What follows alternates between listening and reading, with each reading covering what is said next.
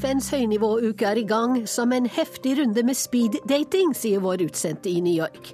På 8. mars fengslet han kvinneaktivister. I morgen taler Kinas president på FNs kvinneforum. Hvorfor snakkes det fortsatt om en tostatsløsning for palestinerne? Over halvparten av dem tror ikke på den likevel. I dag er det ett år siden 43 studenter forsvant i Mexico. En som bor der, forteller hvordan volden preger alle.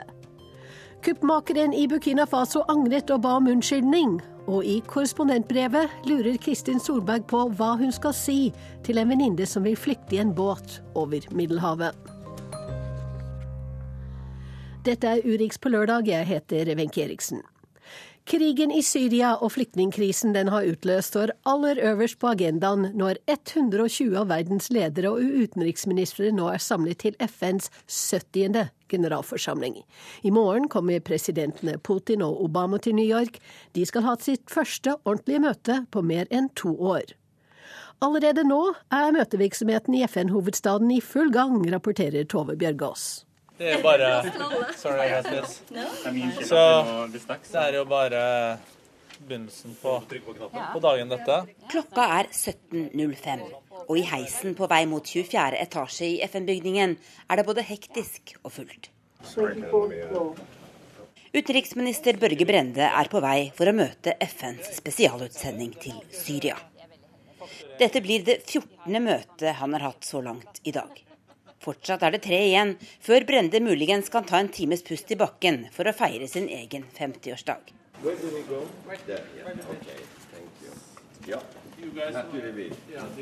Men først det kanskje viktigste møtet så langt denne dagen. Med svensk-italienske Demistora, som nettopp har lagt fram en ny fredsplan for Syria.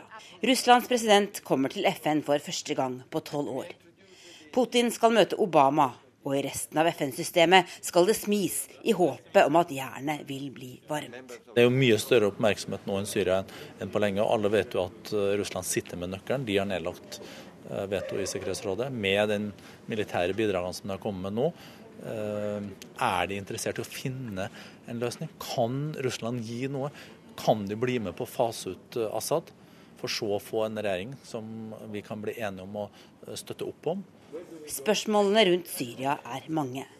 Men det er også forventningene, forteller FNs Syria-utsending Demistora.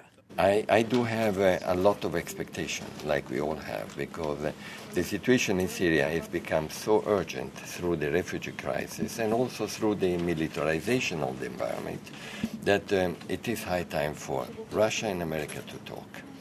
And it's for uh, Iran and Saudi Arabia to talk. Hvis USA og Russland snakker sammen, og Saudi-Arabia og Iran gjør det samme, da kan vi finne en løsning i Syria, mener Demistora. Do you think it's possible to see Americans and Russians coming to an agreement about what to do? I've been 43 years with the UN, 19 conflicts.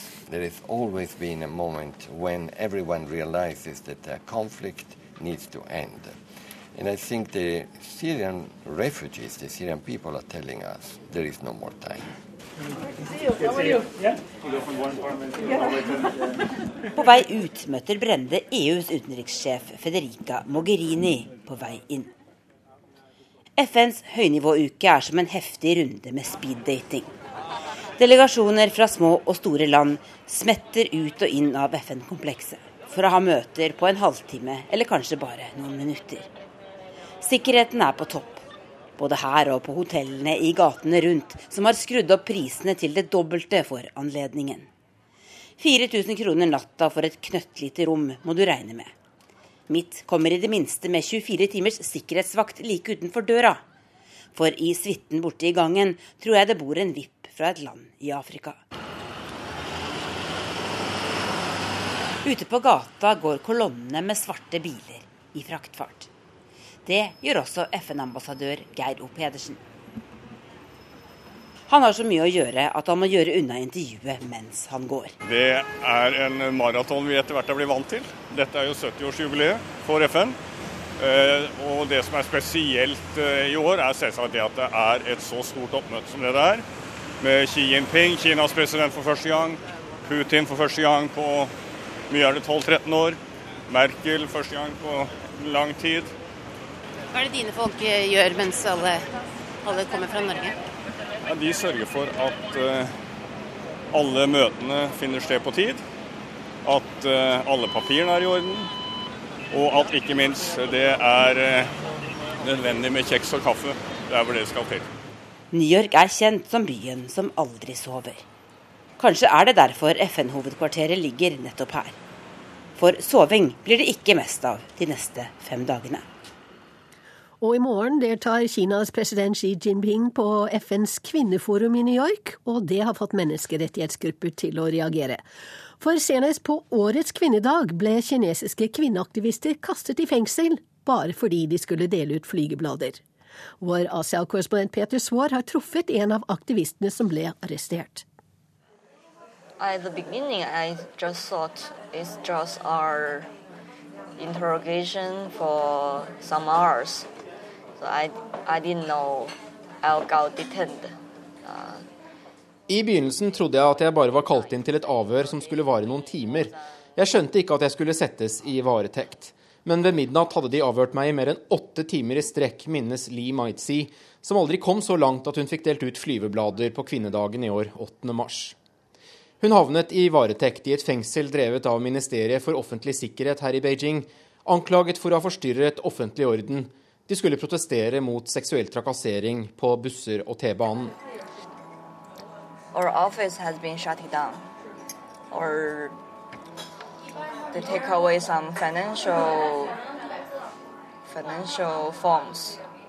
Kontoret vårt er stengt. De tok regnskapene våre, byttet lås på døren. Vi har ikke noe kontor lenger. Li Maitzi snakker med NRK mens hun fortsatt er løslatt på prøve og har status som mistenkt. Hun har fått beskjed om å ikke gi intervjuer. Hun gjør det likevel. Og hun foretrekker å snakke engelsk fordi det er mange ukjente øyne og ører rundt oss på restauranten her i Beijing. Some, men they threaten my landlord to now to rent house for, for me is very absurd. De truet selv husverten min med å kaste meg ut og ikke leie til meg mer. Det er absurd. Nyheten om at hun og fire andre kvinnesaksaktivister var arrestert, skapte store overskrifter verden over da det ble kjent på kvinnedagen i år 8. mars.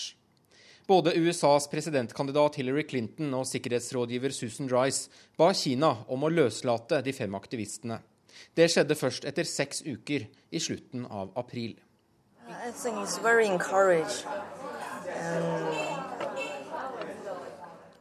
Det var inspirerende og flott å se at Hillary Clinton krevde oss løslatt. På den annen side har all denne internasjonale oppmerksomheten gjort at de lokale kvinnesaksgruppene her ikke lenger tør å samarbeide med oss nå.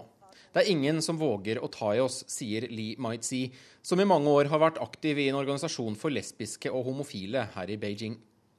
At hun fortsatt er ute på prøve, betyr at hun ikke kan reise ut av Kina, og at hun har vansker med å få seg en ny jobb. Det er i år 20 år siden Kina var vertskap for FNs kvinneforum. I 1995 tillot myndighetene at 30 000 delegater fra hele verden samlet seg her i Beijing for å diskutere kvinners rettigheter. Forumet ble også starten på Kinas moderne kvinnerettighetsbevegelse. Uh,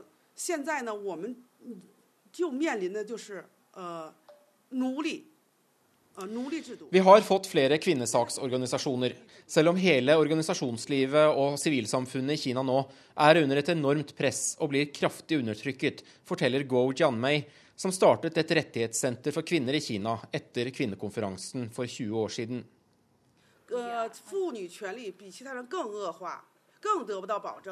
De siste årene har vi sett mange store tilbakeskritt. Handlingsrommet for oss og sivilsamfunnet blir stadig mer redusert. Det er vanskeligere å få utenlandsk pengestøtte, men jeg tror trenden likevel ikke kan stoppes. Et demokratisk rettssystem, frihet, likhet, menneskerettigheter er universelle verdier. Så selv om vi møter mye motstand, vil vi ikke gi oss, sier en av Kinas mest erfarne kvinnesaksaktivister til NRK. Som også mener det iblant er mulig å påvirke det kinesiske statsmaskineriet om man har gode argumenter. 现在我想的就是呼吁 Enkelte ganger blir vi lyttet til. Et eksempel er Kinas nye lov mot vold innenfor ekteskapet. Der mener jeg vår organisasjon fikk gjennomslag for mange synspunkter. Så enkelte ganger lytter myndighetene her til en forsiktig og konstruktiv tilnærming. Så hva syns Li Meitzi om at president Xi nå deltar på FNs kvinneforum, mens kvinneaktivister som henne fengsles i Kina? Jeg hope it's a chance for him to show his attitude towards the human, uh, towards the women's rights. Jeg håper det er en sjanse for Xi til å vise at han bryr seg om kvinners rettigheter.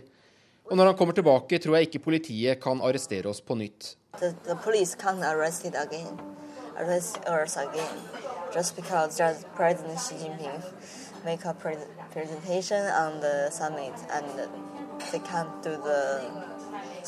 Når Xi Jinping har holdt innlegg på FNs kvinneforum, kan de ikke ta oss på nytt, håper Li Maitzi. Og Antonio Cimini bidro også i denne saken. Mer av det som skjer under høynivåuken i New York. Igjen skal Norges utenriksminister lede møte i giverlandsgruppen for Palestina. Og igjen skal medlemslandene bevilge penger til etableringen av en palestinsk stat. Men en ny undersøkelse viser at over halvparten av palestinerne ikke lenger støtter tostatsløsningen. Og de færreste av dem tror de får en egen stat innen fem år. Zionism is not sustainable in Palestine. Sionismen er ikke bærekraftig.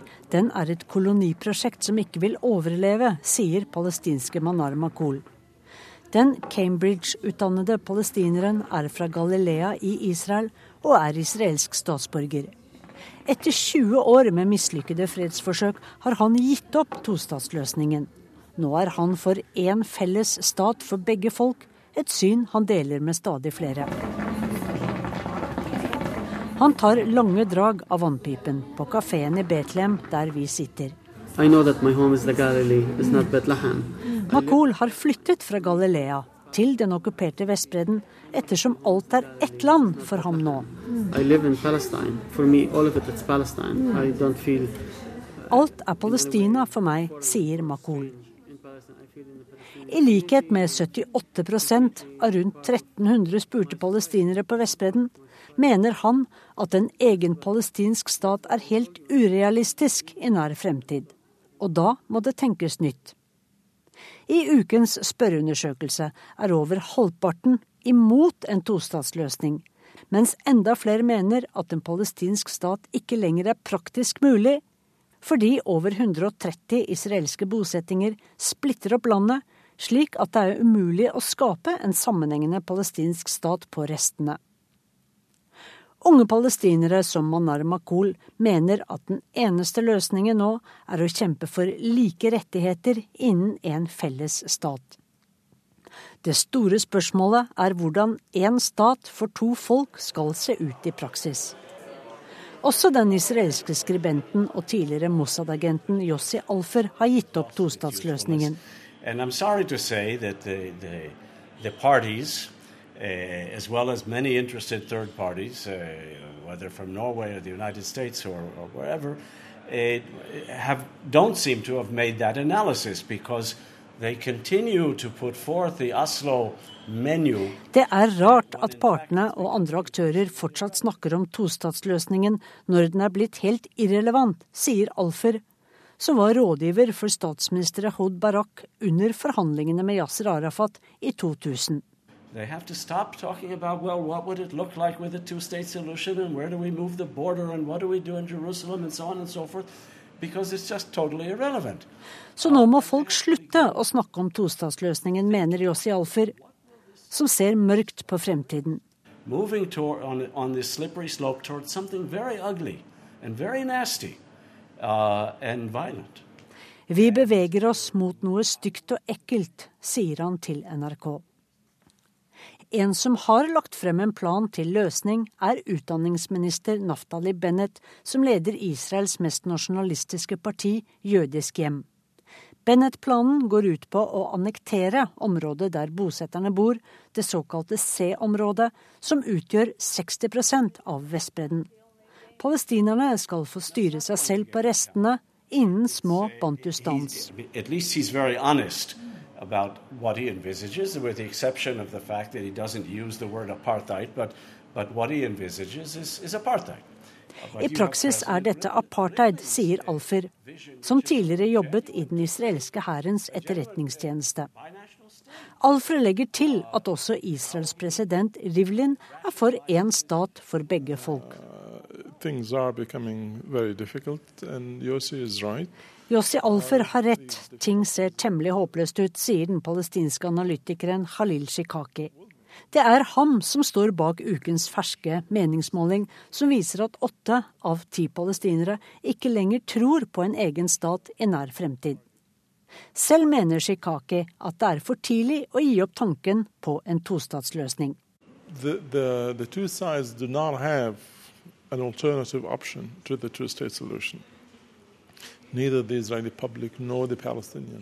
Noe annet alternativ finnes ikke, mener Shikaki.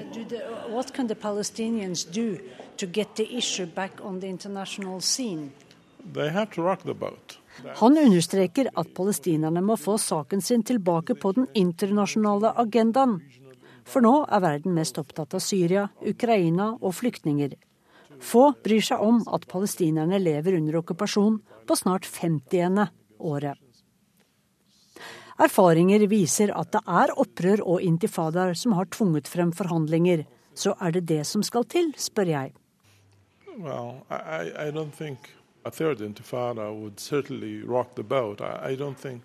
Nei, Khalil Shikaki tror ikke at en ny intifada er aktuelt. Han mener andre metoder må til, uten at han har noen forslag. Optimist er han ikke. Det er heller ikke Yossi Alfer. I'm worried, yes, I'm worried about the values that we'll be stuck with. It will be ugly. Vi går mot en stygg fremtid, gjentar israeleren. Horrible. I think it's going towards a very dark direction. Jeg ser med redsel på tiden vi har foran oss, sier palestinske Manar Makul. Og trekker flere dype drag av vannpipen på kafeen i Betlehem. Og det sa reporter Sissel Wold.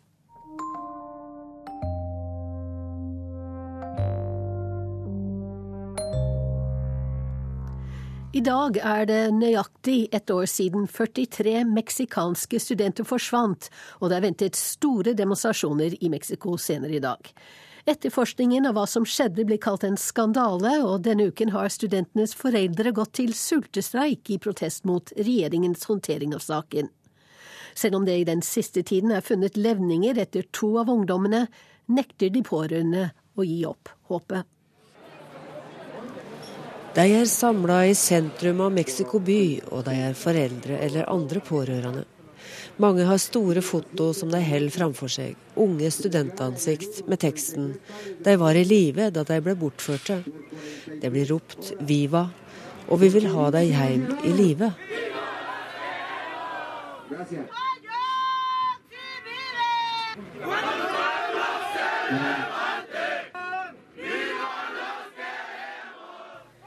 har samla seg få dager etter at politiet kom med opplysninger om en ny identifisering av levninger. Den andre etter dette lange året med uvisse og uklare fortellinger om det som har skjedd. Og fremdeles skal 41 familier leve i uvissa. Mange har vondt for å tro at de ikke skal få sine unge levende hjem igjen. Få her tror dessuten på den offisielle versjonen som legger hovedskylda på en narkogjeng og korrupt politi. Estamos dispuestos a lo que sea con tal de ver regresar a los muchachos a nuestras casas, a nuestra escuela. Por eso estamos aquí presentes. Y queremos decirle a Enrique Peña Nieto desde hoy vi er klare for det som måtte skje, vi er også klare for å få våre tilbake, til heimene, til skolene. For president Enrique Peña Nieto burde ingenting være mer viktig enn dette, sier talsmannen for gruppa, Felipe de la Cruz. Det er langvarig misnøye med både etterforsking og de ulike versjonene som ligger bak slagordropinga. Er det sikkert, som det har blitt sagt, at ungdommene som ble drepne, ble kasta på ei søppelfylling og så tent på, og at restene ble kasta seinere i elva? Den interamerikanske kommisjonen for menneskeretter har undersøkt fyllinga, og mener det er usant. Un incendio que hubiese quemado toda esa zona. De que los muchachos no fueron incinerados en el basurero de Cocula. Om det hadde vært sant, ville hele skogområdet blitt overtent, sier eksperten Francisco Cox. Han utelukker fullstendig at lika kan ha blitt brent i den grunne fyllinga. For tida driver argentinske patologer og undersøker rester fra elva. Men foreldra krever nå større internasjonalt engasjement og ny gransking av det som skjedde for ett år siden. Vi må banke på flere dører, sier den juridiske rådgiveren til foreldra, Vidolfo Rosales.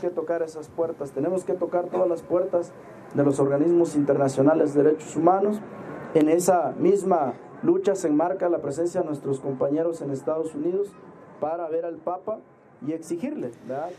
vi må gjøre saka vår bedre kjent i USA og føre den fram for paven. Vi må få opp engasjementet i andre land, mener advokaten. Men håpet nekter de å gi fra seg, foreldra til de 43 ungdommene som har lært seg å rope slagord i Mexico by.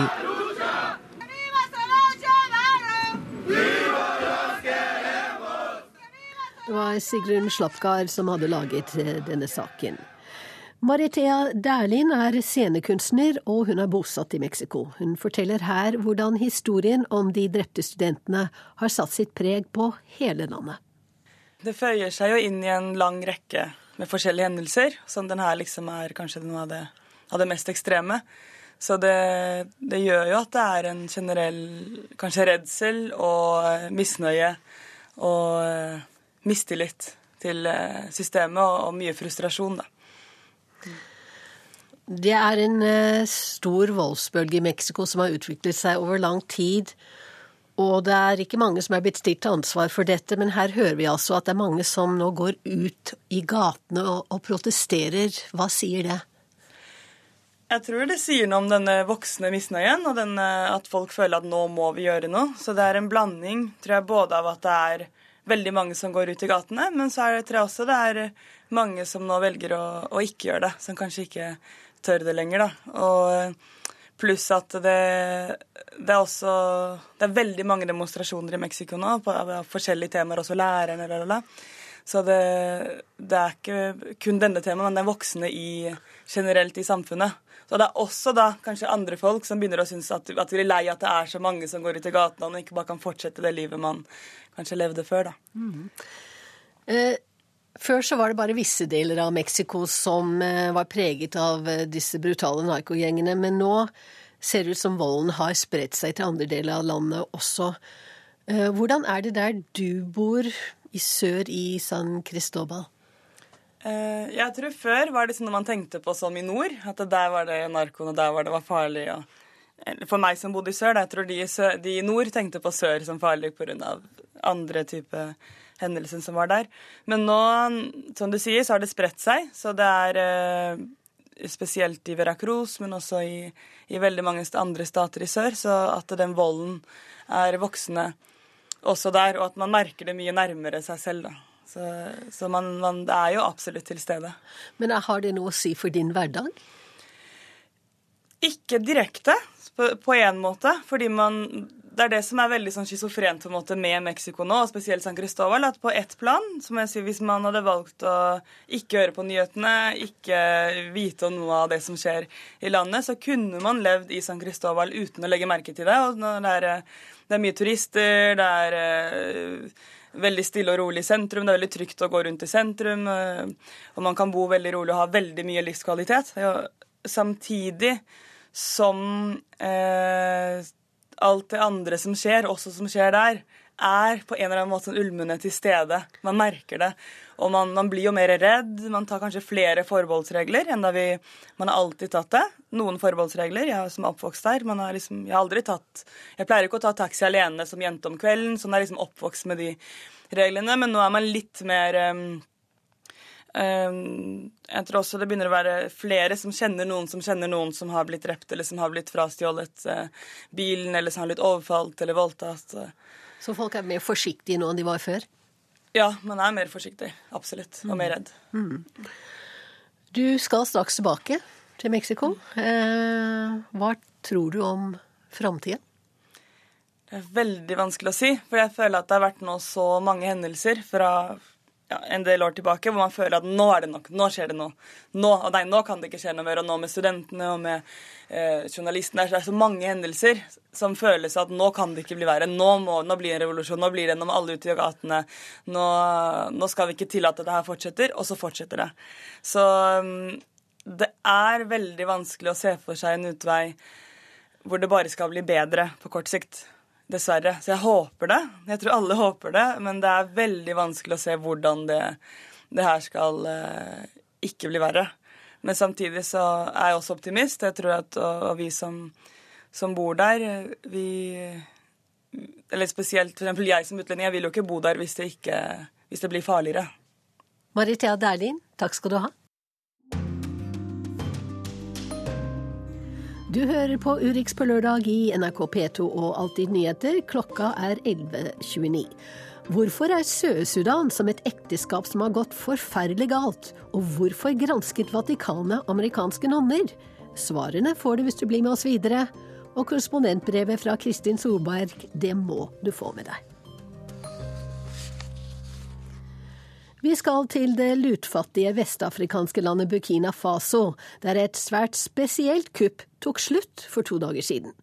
For de angret lederne for presidentguiden som i forrige uke avsatte mannen de skulle beskytte. Déclaration du Conseil national pour la démocratie. Les forces patriotiques et démocratiques han trodde ikke et ord på hva han selv sa, kuppgeneralen Gilbert Diendere at det var landets patriotiske og demokratiske krefter som hadde avsatt overgangspresidenten i kjærlighet til folket. Onsdag beklaget han da også kuppet på det sterkeste selv. Après les négociations menées par la CEDEAO, qui ont abouti à un projet d'accord vi gjeninnsetter presidenten, sa kuppgeneralen. Så kom han med en unnskyldning for all menneskelig og materiell skade de hadde påført land og folk den siste uka. Han snakket til ofrenes familier, de hans egen garde hadde skutt, såret og drept. Mine kondolanser til dere som er oppløst i tårer. Min største tabbe, kalte han kuppet. Dette gikk aldeles galt. Vi visste at vi ikke hadde folket med oss. Det kunne ikke gå bra, sa han, om ikke helt ordrett. Mea culpa. Aldri før har vel en kuppgeneral sagt noe slikt, men Diendere var rak i ryggen da han dro rett til flyplassen etter å ha tatt på seg all skyld. Ikke for å flykte med elskerinner og det den slunkne statskassa kunne lokke med. Han dro til flyplassen for å ta imot statsledere fra seks vestafrikanske land. De som gjennom uka hadde forhandlet fram avtalen som ga ham marsjordre, og som han selv var enig i. Nå var de også rause med å love beskyttelse og amnesti, så der ligger det en mulig omkamp. De seks kom til landet for å se at presidentgarden med denne angrende synder i spissen virkelig ga fra seg makten og gjeninnsatte overgangspresidenten. Men han satt der allerede, i presidentkontoret, bare en håndfull kilometer fra der seansen på flyplassen fant sted. Han satt der foran kameralinser og mikrofoner. Dans le malheur, nous avons lutté ensemble. Dans la liberté, nous triomphons ensemble. Sammen kjempet vi i motvind, sammen seiret vi i frihet, sa overgangspresidenten, innsatt for et år siden da den upopulære president Kumapa Ore ble jaget ut av landet.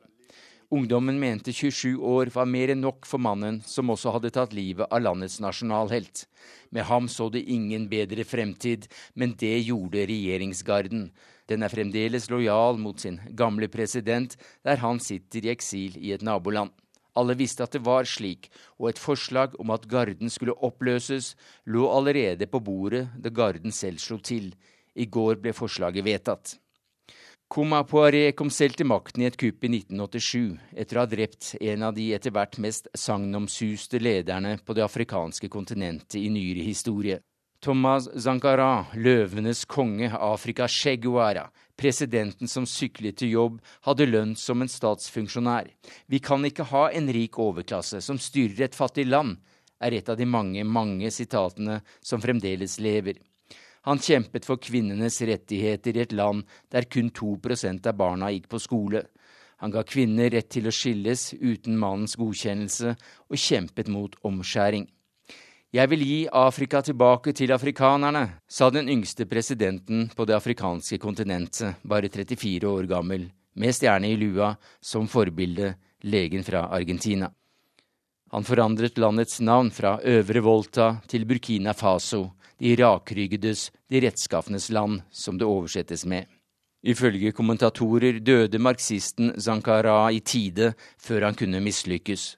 Men ansiktet lever på plakater båret fram av selvsikker ungdom, f.eks. i Bogadogos gater i oktober i fjor. Titusener, kanskje hundretusener. En avis mente det var over en million mennesker i Ouagadugos gater i oktoberdagene 2014. Den svarte våren ble opprøret kalt. Svarte afrikanernes versjon av den arabiske originalen. Den svarte våren i Burkina Faso viste ungdom i andre afrikanske land at det nytter. Utålmodigheten sprer seg. Den svarte våren ses også på som et varsko til alle presidenter som sitter og sitter, og det finnes noen håndfuller av den arten. Ifølge ekspertene ga denne våren et signal om at det ikke lenger er nok for despotene å invitere den nærmeste eliten med på ran av eget land. Et fyrtårn for forandring i Afrika ble ungdommens opprør kalt.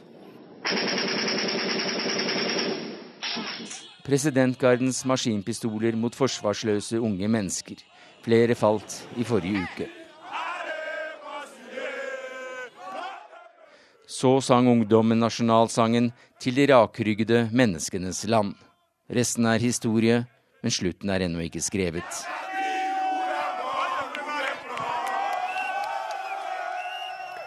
Afrikakorrespondent eh, Sverre Tom Radøy rapporterte.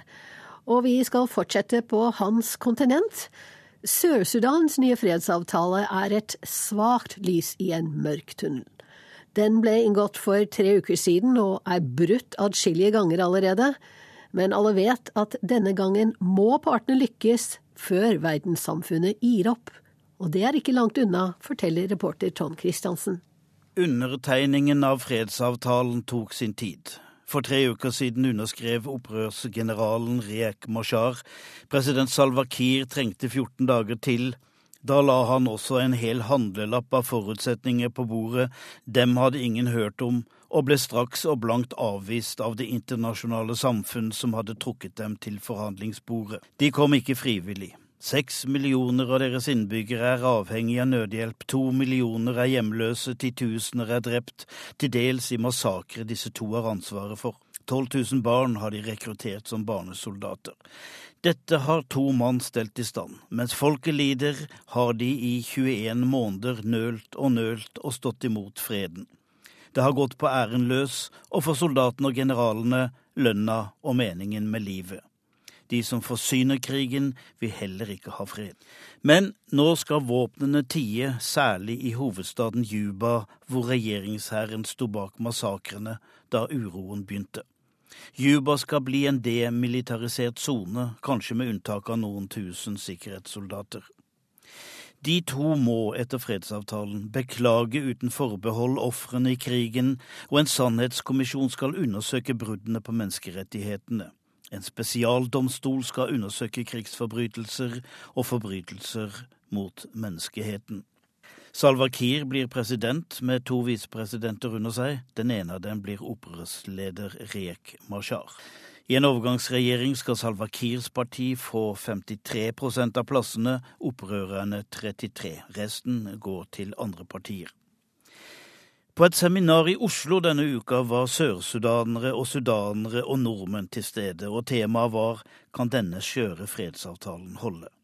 Hilde Frafjord Jonsson var der, FNs tidligere sjef i Sør-Sudan. Det var referatforbud på seminaret, men hun har tillatt at denne historien fortelles. Hilde Frafjord Jonsson så nedover benkeraden og stirret dem midt i øyet, og så spurte hun retorisk Kan freden holde?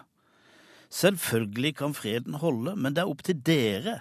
Slutt å skylde på andre, slutt å bebreide forhandlere og fredsaktører. Hvis dere vil ha fred, så blir det fred, men da må dere ville det. De så ned og nikket mot gulvet. Ja, så kan man lure på hva det betyr. Jens Petter Kjemperud er Norges spesialutsending til Sør-Sudan og Sudan, og han har vært tett på disse fredsforhandlingene. Jeg har spurt ham om Salwa Kiir og Riek Mashar noen gang har vist tegn til dårlig samvittighet for alt det forferdelige de har stelt i stand i Sør-Sudan. Eh, forhandlingsrundene, som også har deltakere fra det sivile samfunn, inkludert religiøse ledere. Og når de religiøse lederne holder bønn før forhandlingene begynner, så eh, synes det som om de reflekterer over hva som har skjedd. Eh, og så sies det en del eh, korrekte ting om humanitære lidelsen osv. Men eh, hovedinntrykket er at de er mer opptatt av forhandlingsspillet enn å løse dette pga. lidelsene til folket. Så det er et av de sterke budskapene vi gjentatte ganger kommer med. At her må man sette folket foran seg selv og få slutt på krigshandlingene for å, for å stoppe de humanitære lidelsene. Du har sittet sammen med Riek Mashar i bushen og samtalt med president Savakir. Kiir. Eh, hvordan opptrer de når du har disse samtalene med dem? Eh, det er Altså, man, man føler seg fram, og man må Altså fra begge sider. Og man må gå noen runder for å komme, komme i et samtalemodus. Jeg eh, legger stor vekt på å prøve å forstå eh, hvor eh, de kommer fra. Hvis ikke så vil man få en dialog ikke, hvor, vi, hvor man snakker forbi hverandre. Så man må gjøre en del kompromisser med hva man vet om hva disse menneskene har gjort gjennom sitt liv. hvilke grusomheter som har skjedd under deres, under deres ledelse. Eh, men så kommer man da inn, og dette er jo De har en fantastisk eh, Sudanere og sørsudanere har en fantastisk evne til å, til å vise et, eh, en åpenhet rundt spørsmålene. Men det er, det er, det er komplisert, og samtidig så kan man ikke skape fred uten at de to hovedmotstanderne kommer til bordet og finner en løsning. Mashar og Kir de skylder på hverandre er det grunnen til at det har tatt så lang tid å komme til en eh, fredsavtale? Dette på en, kan på en måte sammenlignes med et, eh, med et, ekteskap som er gått forferdelig galt, eh, og hvor skilsmissen ble veldig bitter. Samtidig så vet begge at de er avhengig av hverandre, og de ønsker å komme sammen igjen. Eh, de har en stor eiendom i afrikansk sammenheng som, som, eh, som de ønsker å, å, eie. Og de vet at eh, det er ingen løsning, militær løsning hvor den ene tar alt og den andre tar ingenting. Så det er en slags vinn-vinn-situasjon, og det erkjennes også av partene at de, at de må finne fram til den. Hva er det som kan holde dette nye landet sammen? Er det bare avhengig av de to mennene? Nei, jeg tror um, de to uh, vil ha en viktig rolle i overgangsperioden. Uh, men uh, det må skje store endringer i Sør-Sudan. Fredsavtalen på 77 sider eh, legger opp til eh, omfattende reformer i Sør-Sudan. På økonomiforvaltning, på eh, en hær som må bli en nasjonal hær, på et rettsoppgjør. AU skal, skal opprette en hybriddomstol som skal gå gjennom alle de alvorlige menneskerettighetsovergrepene som er foretatt under krigen. Sånn at i ett scenario er jo at, at begge de to topplederne, eller mange toppledere, vil kunne bli stilt for denne retten og, og, og vil, som fredsavtalen sier, hvis de blir, blir tiltalt eh, etter denne hybriddomstolen, så må de fratre sin stilling som de nå sitter i.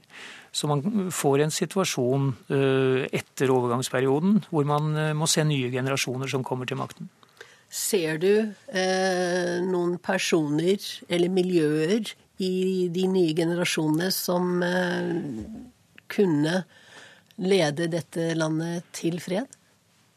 Makthavernes eh, holdning er jo at det ikke er noen andre enn de selv. Og eh, det har vi sett i land etter land hvor man ikke har sett de, de, de nye vokse fram. Men det, det, mener jeg absolutt at det er i Sør-Sudan.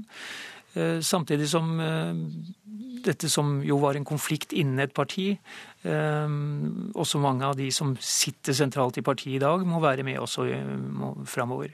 Men absolutt nye generasjoner som, som vokser fram.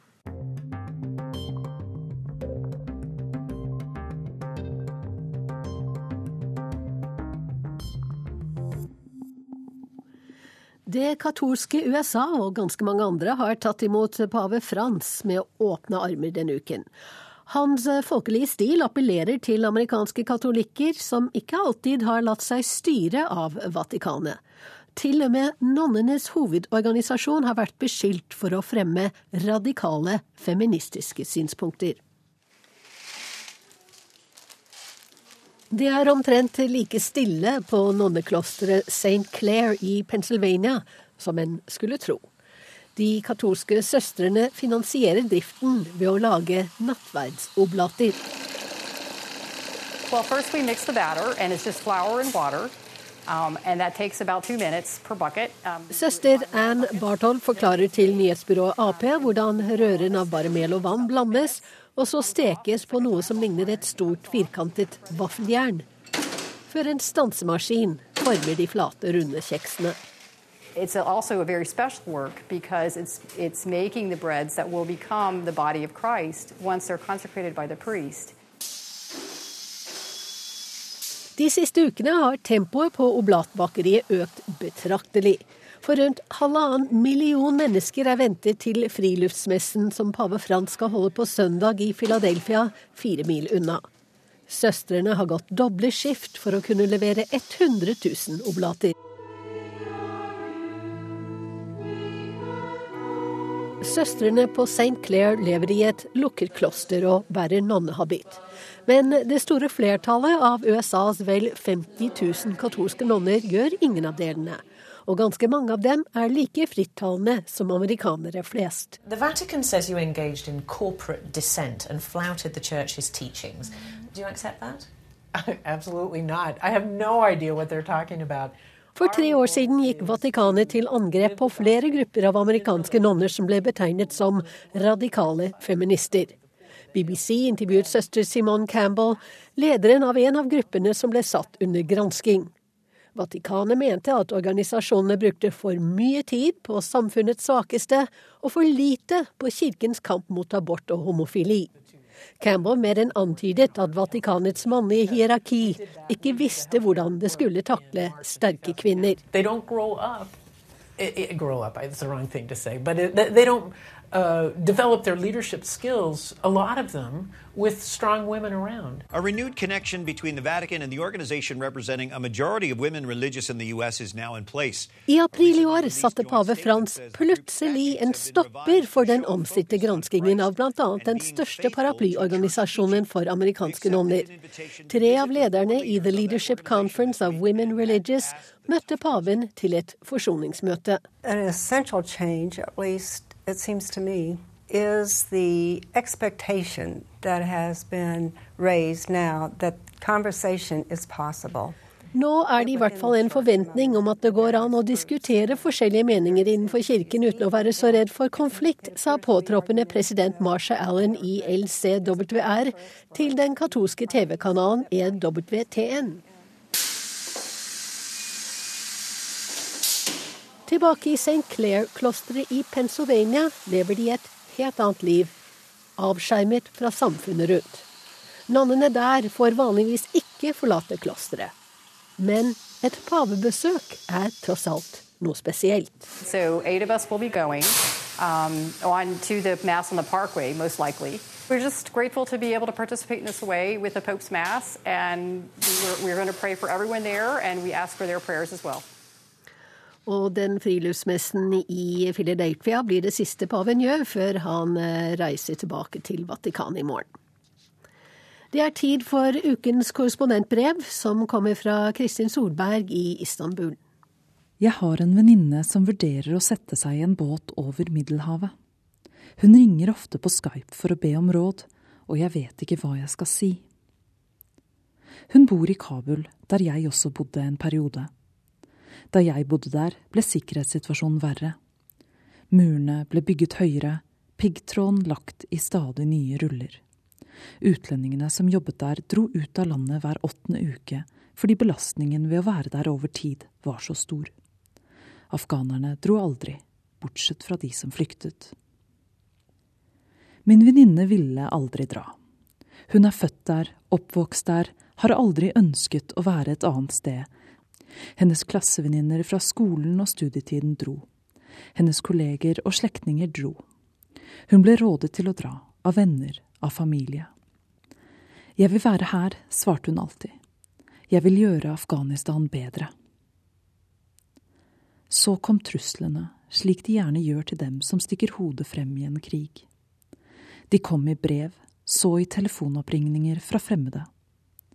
En gang ble hun så redd at hun kastet telefonen i gulvet så den knuste. Hun er mest bekymret for barna, også av bombene og angrepene i Kabul. En gang ble bygningen ved siden av sønnens skole bombet, sønnen skadet. Sjelden har jeg sett henne mer urolig. Jeg må dra, har hun sagt det siste året. Jeg sitter tusenvis av mil unna, på en dårlig Skype-linje, og jeg skjønner at når hun ikke har håp for livet i Afghanistan, er håp vanskelig å finne.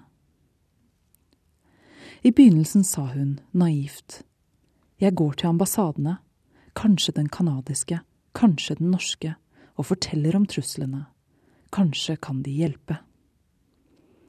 Jeg svarte nådeløst. Du kommer ikke engang til å slippe gjennom kontrollpostene utenfor ambassadene og hvis du mot formodning skulle klare å komme deg inn i bygningen, med min eller andres hjelp, vil ikke ambassadene kunne gjøre noe for deg. Ingen får asyl fra ambassadene. Reglene er slik at du selv må ta deg til landet der du søker om beskyttelse. Reglene. Jeg hørte selv hvor hult det lød. Reglene er ikke skapt for å beskytte slike som henne. Det er åpenbart, da ville de ha vært annerledes. Få ambassader vil en gang gi turistvisum til afghanere. Altfor mange har hoppet av i Vesten. Sjansen hennes til å få visum er svært liten. Så begynte hun å snakke om FN. Jeg går til FNs høykommissær for flyktninger, sa hun.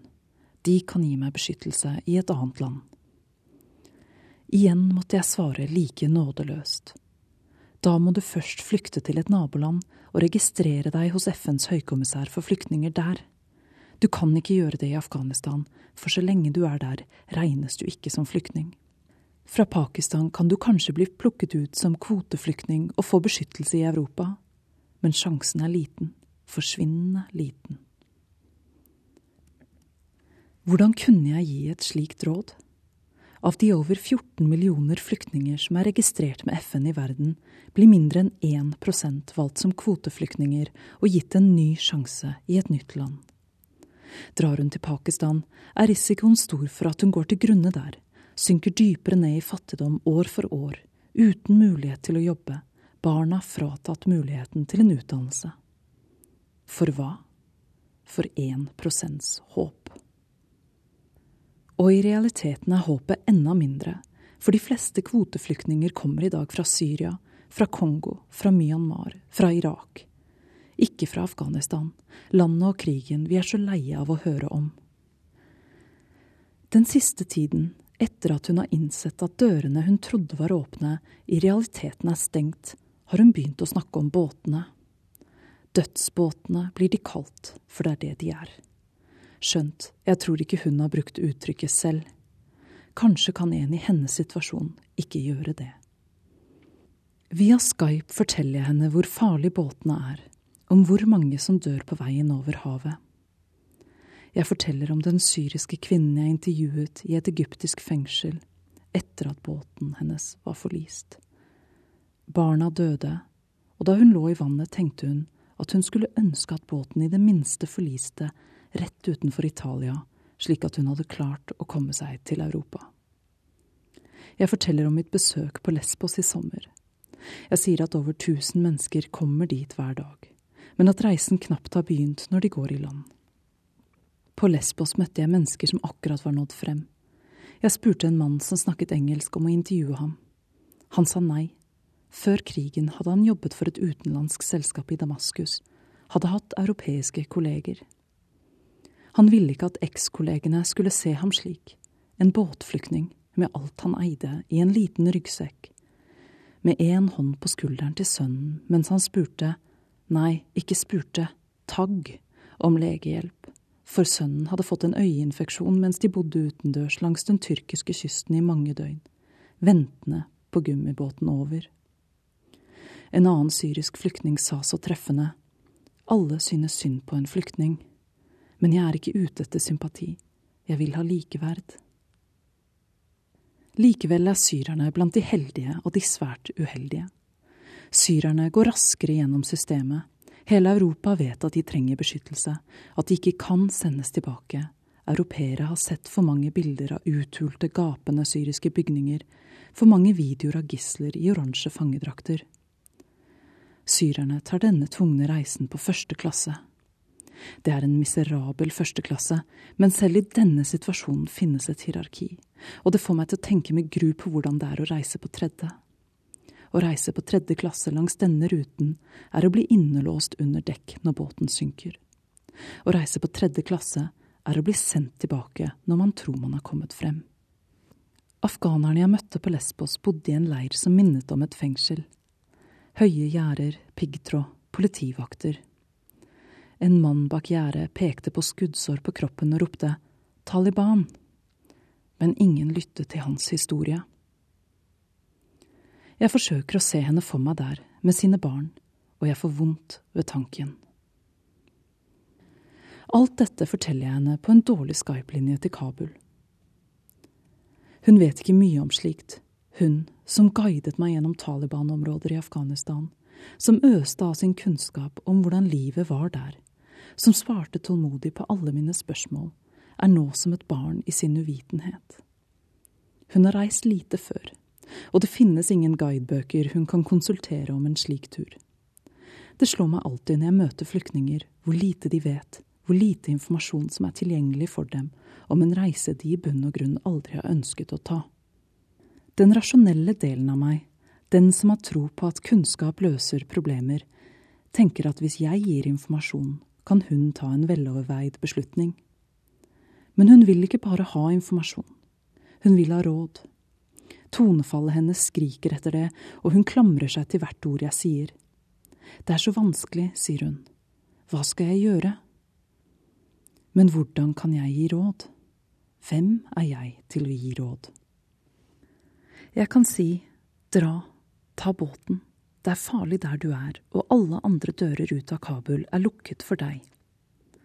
Hva da hvis båten synker? Hvis luften siger ut av den lille gummibåten, slik som er skjedd med så mange før den, og hun faller i vannet med barna. Det er høst nå, vannet mer ubarmhjertelig, villere enn om sommeren. Kan de svømme? Neppe. Afghanistan har intet hav, og krigens barn har ikke svømmeundervisning en gang i uken, de går ikke hjem fra svømmehallen i høstmørket med vått tøy i gymbagen og lukten av klor i håret, for slik er ikke verden hvis du er født der. Men hva hvis jeg sier ikke dra, det er for farlig, Først turen til fots fra Afghanistan gjennom Iran og Tyrkia, store, lange land, land med høye fjell og snø, land som gir gnagsår, fullt av smuglere som kan gjøre hva de vil med deg, og som innimellom gjør det, de plyndrer og voldtar, for de vet at flyktninger bærer på alle sine verdisaker, og de vet at ingen av disse menneskene har mulighet til å gå til politiet, for hvem vil møte politiet i disse landene uten visum i passet? Så båtturen som bare er det siste farlige steget på en ellers farefull ferd.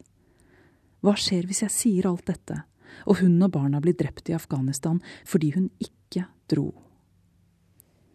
Gode råd er dyre, sier de. Men gode råd er ikke dyre, gode råd finnes ikke. Hver gang hun ringer, merker jeg at desperasjonen hennes er økt. Svarer jeg ikke, ringer hun igjen, og når jeg returnerer til PC-en, er loggen på Skype full av tapte anrop. Kanskje håper hun at jeg er en livbøye. En fra verden utenfor. En som tar seg over umulige landegrenser med den vanskelig definerbare selvsikkerheten som stammer fra privilegium. Hun har sett meg snakke i radiostudio, på TV, trygg på meg selv, som om det jeg sier er verdt å merke seg. I hennes land ville en slik person ha vært i stand til å få ting gjort. Hun ville ha kjent mennesker som kunne ha trukket i tråder. Men slik fungerer ikke Europa, og minner jeg om en livbøye, er det i så fall like villedende som de billige, falske redningsvestene som flyktninger blir lurt til å kjøpe langs Tyrkias kyst før de setter seg i båtene, ute av stand til å redde liv. Hun ringte meg igjen i går mens jeg var opptatt med noe annet. Skype-loggen viste fire tapte anrop på like mange minutter. Det lille ikonet ved navnet hennes på Skype er ikke grønt i dag, hun er ikke online. Så jeg ringer henne tilbake på hennes afghanske nummer. Jeg skal si at uansett hvilken utvei hun bestemmer seg for å ta, skal jeg være der for henne så godt jeg kan. Selv om det kanskje ikke finnes en reise i verden hun er så alene om. Men telefonen hennes, den er avskrudd. Teknisk ansvarlig for Riks på lørdag var Frode Thorshaug, produsent Kari Bekken Larsen, og her i studio satt Wenche Eriksen.